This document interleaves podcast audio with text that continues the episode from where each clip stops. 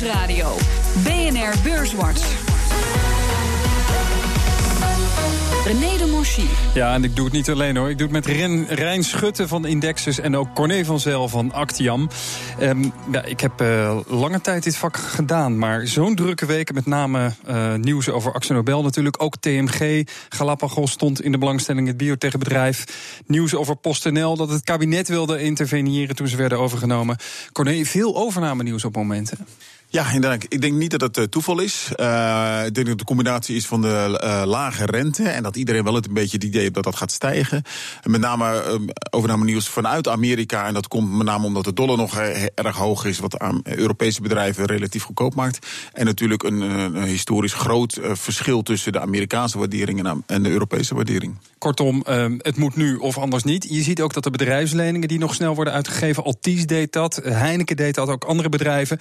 Het is dus inderdaad nu of nooit goedkoop. En anders uh, ja, mis je de boot, eh, Rijn. Ja, je ziet wel dat die tendens is dat die rente zijn laagste punt heeft gehad. En dat uh, bedrijven daarom vooruitlopend op. Kijk, in Europa gaat het nog wel een tijdje duren voordat het echt gaat stijgen. Maar toch al nu een zaakjes op orde gaan maken. Want ik zag ook dat de banken heel veel hebben geleend. Ik geloof dat de afgelopen acht, zeven jaar nog nooit zoveel goedkoop geld bij de Europese Centrale Bank is geleend.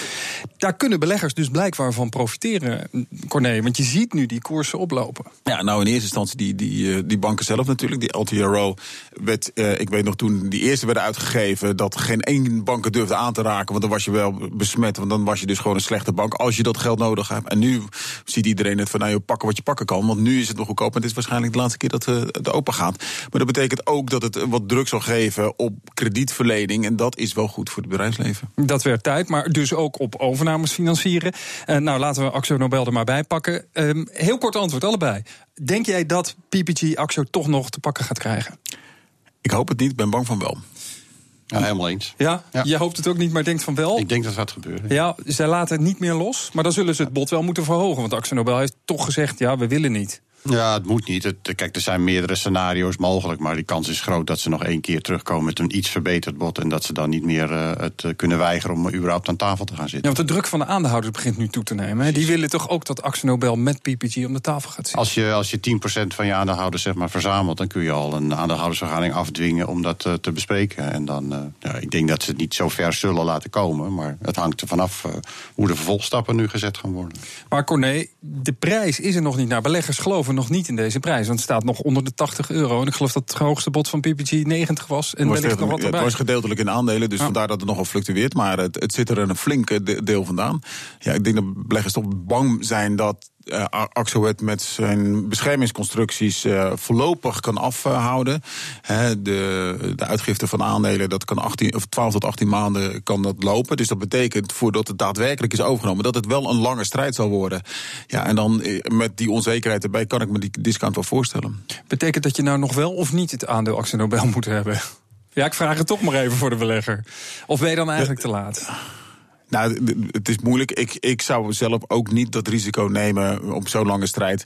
Met nog altijd de mogelijkheid dat het gewoon helemaal niet doorgaat. Ja, dan zal de koers naar beneden gaan. Rijn, hoe zien jullie dat bij Index? Nou, kijk, uit beheeroogpunt zou ik het denk ik niet doen. Als je het als een, als een handelsidee uh, ziet, dan is je risk-reward zit je nu in, precies in, in de sweet spot, in de, op de helft daarvan. Nou, dan kan je het proberen, maar dan ja, moet je wel snel je, ook je limieten stellen van bij 2 euro lager ga ik er ook gewoon standaard uit. Ja, of een hedge. Op de een of andere manier uh, kijken hoe het omlaag gaat. Nou, we hebben het nu over Axel Nobel, maar um, ja, op de vrijdagmiddag kwam ook het nieuws binnen over ASMI. Ook daar een activistische belegger die zegt, ja, jullie moeten toch wel wat gaan doen. Um, de bedoeling is dat ze een, uh, een, een, een, voorstel op de agenda van de aandeelhouders gaan zetten.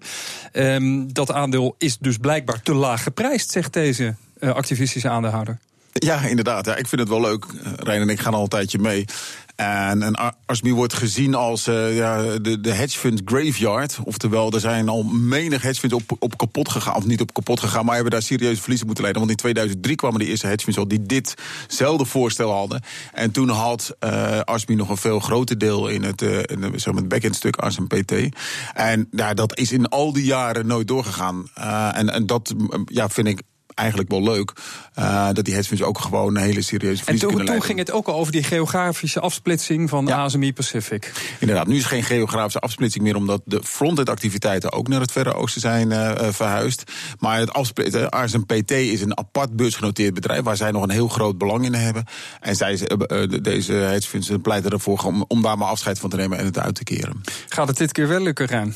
Nou, ik denk het nog steeds niet. Die, die familie heeft het, die had vroeger al een veel groter belang was er mordicus tegen.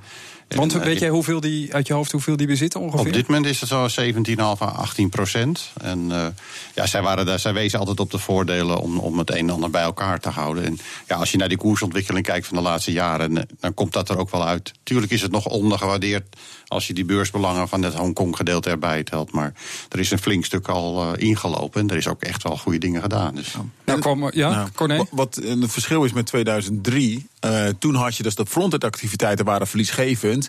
En Del Prado, uh, die nu helaas overleden is, die zei altijd van als, als je ons de tijd geeft, dan kunnen we laten zien dat die frontend activiteiten ook winstgevend zijn. En dat hebben ze in de tussentijd bewezen. Bovendien hebben ze een, een substantieel deel van die uh, backend activiteiten uh, ook daadwerkelijk verkocht. Dus ze zijn, toen ze de tijd hadden en de tijd rijp vonden, hebben ze ook daadwerkelijk gedaan. Ja, dat pleit ook op verkoop natuurlijk. Dat het nu goed gaat, kan je zeggen, gaat dan cash, je gaat de gelden maken. Ja, nou ja, dat, zij zeggen dat zij dat op een betere dat kunnen timen. En dat hebben ze ook laten zien. Frontactiviteiten zijn winstgevender geworden. En backend activiteiten hebben ze op een beter tijdstip verkocht. Dus dat hebben ze wel goed gezien.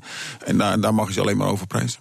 Dan was er ook nog nieuws dat het goed ging in de chipsector. Dus dat zal ook hebben meegedaan, uh, meegedaan met de hogere koersen. Maar ook nog naar uh, TMG. Is die strijd gestreden? Want daar lijkt het wel een beetje op sinds de mol natuurlijk Baksel moest halen bij de rechter. Ik denk voor wel, maar ik, ik, ik, vraag me al een paar maanden af waarom de mol dit wil doen. Waarschijnlijk weet hij meer dan ik, of heeft hij een ander strijdplan wat wij niet kunnen bedenken. Hij is een stuk rijker dan ons, dus wellicht dat hij ook een stuk slimmer is. Maar in ieder geval, ik zou zeggen, ik, wat ik me wel kan voorstellen is dat hij groot belang wil hebben om op een gegeven moment aan de onderhandelingstafel te, uh, te komen. En dan zijn deel van de joint venture in de radio bijvoorbeeld. Uh, want dat is een combinatie van een joint venture tussen TMG en de Mol. Dat hij dat dan wel, wel opkopen. En dat hij daarmee gewoon eigenlijk een, on, een, een, eh, een, plaats aan de onderhandelingstafels op, opeist. Ja, Rijn, het aandeel hoef je niet meer te hebben, denk ik. Nee, deze strijd is Die strijd is gespeeld. Ja. Ik, kijk, voorheen waren ze samen aan het optrekken om, uh, om dingen voor elkaar te krijgen. En ergens is er een kink in de kabel gekomen. En toen dachten ze van nou, dan laat ik wel even zien wie de grootste is. En uiteindelijk denk ik dat er een soort uitruil van activiteiten komt. En, want, ja, om die beursnotering vol te houden voor zo'n. Het kan natuurlijk, maar dat was niet de opzet.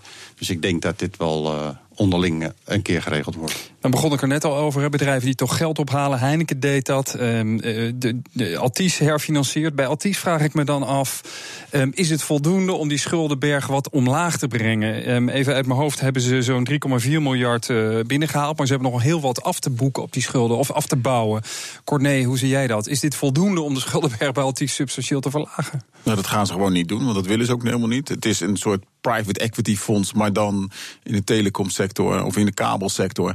En die zeggen, we hebben stabiele inkomsten, dus wij willen daar maximale schuld tegenover zitten. Hebben ze altijd al gedaan, zullen ze ook altijd blijven doen. Het enige wat ze nu uh, doen is profiteren van de huidige rentestructuur en een stukje herfinancieren. Maar dit is puur financieel gedreven. Dit is niet om schulden af te bouwen. Oké, okay, nou dat is heel simpel. Bij Heineken die doen het dan denk ik om overnames te doen. Het lijkt me uh, 1,7 halen ze geloof ik uit de markt. Ja. Uh, Rijn, dat is voor een andere besteding dan bij Altis. Ja, kijk, er is over heel veel overnamestrijd in die wereld, maar dat gaat om wel wat grotere bedragen. En dan kunnen ze altijd op de familie Heineken zelf nog leunen als ze iets willen gaan doen. Dus dit is puur, denk ik, een bedrijfsfinancieringszaak. Eh. Gewoon om nog even te profiteren van die lage. Ze hebben natuurlijk net Kier in uh, Brazilië overgenomen. Dat kost al een miljard. En ze hebben natuurlijk uh, de pubs in de UK overgenomen voor 1,4 miljard. Even uit mijn hoofd gezegd. Dat loopt niet zo soepel, hè? Dan moeten ze dat. Nee, nee, maar dat, daar heb je wel geld voor nodig. Ja. Dus, ja, oké. Okay, dus toch die goedkope rente nog profiteren. Gemalto kwam nog met cijfers. Wat zeg ik? Een winstwaarschuwing. Dat zagen ze nu al aankomen voor dit jaar. 21 dagen na de, na de jaarcijfers. Dan denk ik, oef, ja. hadden ze dat niet een paar weken eerder kunnen zeggen. Nee, ja, het, het, het, is ongekend. Het, het, heeft hier een enorme uh, imagoprobleem mee gecreëerd. Uh, want in drie weken tijd is de wereld niet veranderd. En hebben zij of ze hun eigen cijfers niet gezien. Dus dat is wel een serieus probleem. Of ik vind het onderzoekswaardig om eerlijk ja, te zijn. ik zou dat ook zeggen. Ja, nou, want in oktober waren die signalen er al. Toen hebben ze het categorisch ontkend. En in januari, februari komen ze met een verhaal uit. En drie weken later moet je al je prognoses inhalen. En dat voor het hele jaar. En dat is geloofwaardigheid van het probleem, denk ik, voor het management. Ja, inderdaad. Maar dan wil je het aandeel ook niet hebben als dit soort berichten tegenstrijdig op zo'n korte termijn komen. De winstwaarschuwing was maar 10% en het is iets voor 21% naar beneden gegaan. En, en, en ik denk dus ook terecht. Kijk, het, het, stomme is, het is een onderliggend, is die beveiliging, digitale beveiliging, is natuurlijk een enorme groeibusiness waar je in wil zitten. Maar niet met dit soort management. Nee, dat kan je niet uh, veroorloven. Basic Fit, hebben jullie daar nog naar gekeken?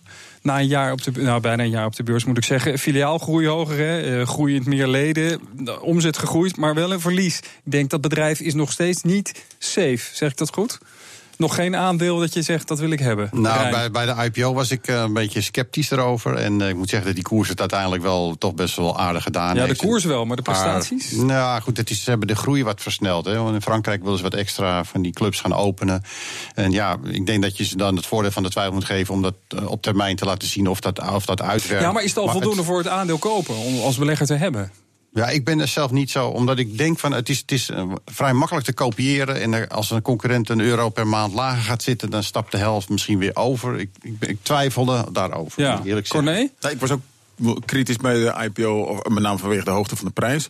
Wat je nu ziet is, het aandeel heeft underperformed ten opzichte van de, de rest van de AIX. En de winsten zijn beter, dus de, de waardering is een stuk gunstiger geworden. Want dit is echt het typische het aandeel wat je koopt. Oké, ik geloof in het groeiverhaal voor over drie jaar en dan moet je het hebben. Uh, als je voor de snelle winst zit, dan, dan niet. Want je ziet nu, wat mij wel heel erg opviel, opviel is als je naar de net debt kijkt, dus de netto schuld ja. ten opzichte van het bedrijfsresultaat, zat dat aan de onderkant van de verwachtingen. Dus ze krijgen minder cash binnen dan ze zelf hadden verwacht. En dat vind ik, dus dat te verklaren. Nou, dat gaat omdat ze de, de investeringen, ze gaan van 75 nieuwe openingen naar 100 nieuwe openingen in Frankrijk, of in, de, in, de hele, in, de, in hun hele gebied. Maar dat betekent wel meer investeringen, dat verklaart het ook wel enigszins. Maar het is wel zo, ze zitten echt wel wel, wel stretched wat dat betreft. Maar ja, je wil groeien of je wil het niet. En daar, daar heb je een schuld voor nodig. Ja, het jaarcijferseizoen is nauwelijks te nijden of de kwartaalcijfers beginnen alweer. Of moeten beleggers toch meer letten op het nieuws waar de Nederlandse bank de komende week mee gaat komen? BNR Nieuwsradio. BNR Beurswatch. Met Rijn Schutte van Indexus en Corné van Zel van Actiam. En achter de microfoon staat ook René de Monchy. En we gaan even naar de belangrijkste stijgers en dalers kijken. Maar eerst even de AIX. Over de afgelopen vijf dagen daalde de index zo'n 1%. De midcap die bleef onveranderd. Stijgers. Dat was ASML, plus 3,5% erbij, hebben we het zojuist over gehad. Ook Axel Nobel deed het goed, ja, kan eigenlijk geen verwondering geven. Plus 3% over de afgelopen twee maanden zo'n beetje 23% erbij voor dat aandeel. Relics, de uitgever, was ook een stijger, 2,4% erbij. En in de midcap, ASMI, ook daar hebben we het over gehad, 6,4% erbij daler, voor dat aandeel. Daler. Gemalto deed het niet goed, inderdaad meer dan 20% in elkaar getrapt de afgelopen vijf handelsdagen. En ook verzekeraar Egon verloor op het eind van de week 8,4% En ook ArcelorMittal, het staalbedrijf, deed het niet goed. Ruim 6,5% lager. En in de midcap Flow Traders min 8% ja, Corné, toch nog even naar ArcelorMittal. Dat zijn dan de uh, staalbedrijven, Rijn. Um, die staan wat onder druk, geloof ik, die, uh, die, die commodities, als ik het zo zeg. Ja, de grondstofprijzen zijn een beetje half februari een beetje gepiekt. En dan zie je wel wat, uh, wat, wat terugvallen. En ja, dat soort aandelen hebben natuurlijk geweldige rallies gehad. Vorig jaar en ook dit jaar nog, moet ik zeggen. En nu gaat daar een beetje de, de, de glans vanaf. Moet je dus niet meer in die uh, metalen en andere commodities gaan zitten? Nou ja, of is daarvoor nog te vroeg? Het, ik vind het zelf heel moeilijk om in die sector uh, daar überhaupt zo te zeggen. Want ik ben ook wel echt verrast door stijgingen. En, en bewegelijkheid daar is altijd wel groot. Maar uh, ja, ik, ik denk zelf dat het een beetje de overshoot daar wel hebben gehad. En dat het, het kan nog wel ietsjes terug. Ik zou hier niet echt haast maken om er nu in te stappen. Voorzichtig. Uh, sorry, Corné, hoe zie jij dat? Ja, ik zit eigenlijk in hetzelfde kamp. Um, en ook ik heb uh, grotendeels de hele de run-up... Uh, enigszins met verbazing zitten aan te kijken. Dat was wel heel fors. Maar dat het nu wel wat overshoot is, dat lijkt mij ook. Dus eigenlijk een correctie in die zin. Ja. Uh, Egon had natuurlijk problemen met uh, eigenlijk de financiële positie. Hè. Dat is toch uh, wat ernstiger dan we allemaal dachten. Is die ernstig genoeg om ons zorgen te maken als belegger... als je dat aandeel hebt of wil kopen, Corné? Nou, wat, wat ik denk dat het grootste probleem is, we hadden het net over gemalto en geloofwaardigheid, en dat zie je nu ook bij Egon ook. Ze komen met, met een solvency ratio naar buiten. En vervolgens eh, komen ze met het jaarverslag en dan is die solvency ratio lager. Ja, als je nou iets bij een financieel bedrijf wil, is wel dat de cijfers kloppen. En als die achteraf in het jaarverslag anders blijken te zijn dan ze eerder hebben gezegd, dat zorgt gewoon voor een grote verrassing. Hè. Die solvency ratio was 159, is nu 157 op groepsniveau. Uh, en voor uh, Nederland was het 101, dacht men dat het 141 was, is nu 135. Dat betekent ook gelijk dat ze geen dividend meer naar de groep mogen doorsturen op, ja, van het Nederlandse stuk. Ik, ik vind het indrukwekkend dat je de cijfers noemt, maar ze zijn ten opzichte van andere verzekeraars ook niet zo gezond. Nee, inderdaad. Dus relatief gezien moet je dit aandeel als je een verzekeraar wil niet hebben. Nee, je moet, uh, zij zullen daar waarschijnlijk ook business door gaan missen. Want klanten willen tegenwoordig echt wel een hele een goede solvency ratio. En dat, daarmee is het dus een, een, een tweede probleem. Rijn, Egon? Ja, ik, ik ben het met Corné eens. Ik denk alleen, uh, dat biedt ook wel weer kansen voor eventueel activistische aandeelhouders, denk ik. Oh, ja, daar gaan weer op te splitsen. Ja, ja, Misschien is dat volgende week een uh, gesprek zonder... Ja, nou, wie weet volgende week. Egon, dat onder druk staat van de aandeelhouders. Goed, dan gaan we toch... ja, we kijken een beetje vooruit, we kijken een beetje terug. veel overname nieuws natuurlijk. Hal komt nog met cijfers, als een van de weinigen. Zit in Vopak, zit in Boskalis, SBM Offshore, Grand Vision. Nou, ga zo maar door. Je kan bijna zeggen, als het met die aandelen op de beurs goed gaat... dan weet je ongeveer al de helft van de cijfers van Hal. Cornel. Ja, 75 procent zelfs, even ja. grofweg gezegd. Maar ja, en met name Grand Vision. En Grand Vision gaat wat minder de laatste tijd, viel erg tegen. Uh, maar en, en ja, Boskalis ook, en Vopak ook. Dus, uh, maar laat wel wezen, je hebt zo'n enorme performance. Hè, bekende gezegd is, Hal heeft het beter gedaan dan Berkshire Hathaway van Warren Buffett. Wel knap hoor. Dat is heel knap, inderdaad. Ja, dus moet je het aandeel hebben, zeg ik eigenlijk. Hey, ze hebben ook niet voor niks BNR en FD bijvoorbeeld in handen. Ze, ja. ze hebben een goede keuze gemaakt om even te slijmen. Oké, okay, dankjewel. Maar toch, um, wat verwacht je van ze, uh, ongeacht even van de cijfers... is dit een aandeel dat je op lange termijn moet hebben? Ja, op, op, lange termijn wel. Maar laat wel, ze zijn net bijna verdubbeld in twee, drie jaar tijd. Uh, het is ook wel even flink geweest. Ja, Rijn? Ja, kijk, het is, het is, ook qua liquiditeit en verhandelbaarheid. Dat vind ik altijd het probleem van. Als je voor kleine beleggers, dan kan je dat, zou je dat kunnen kopen en inderdaad wegleggen als je gelooft in die lange termijn visie. En dat hebben ze bewezen bij dat bedrijf. Maar ja, je kunt je daar niet echt in bewegen. Er gaat weinig om. De spreads zijn vrij wijd. Dus je kan het ook, als iemand een pluk kwijt wil, dan geeft het ook wel wat opschudding, zeg maar. Ja, dan zie je dat meteen terug in de koersbewegingen.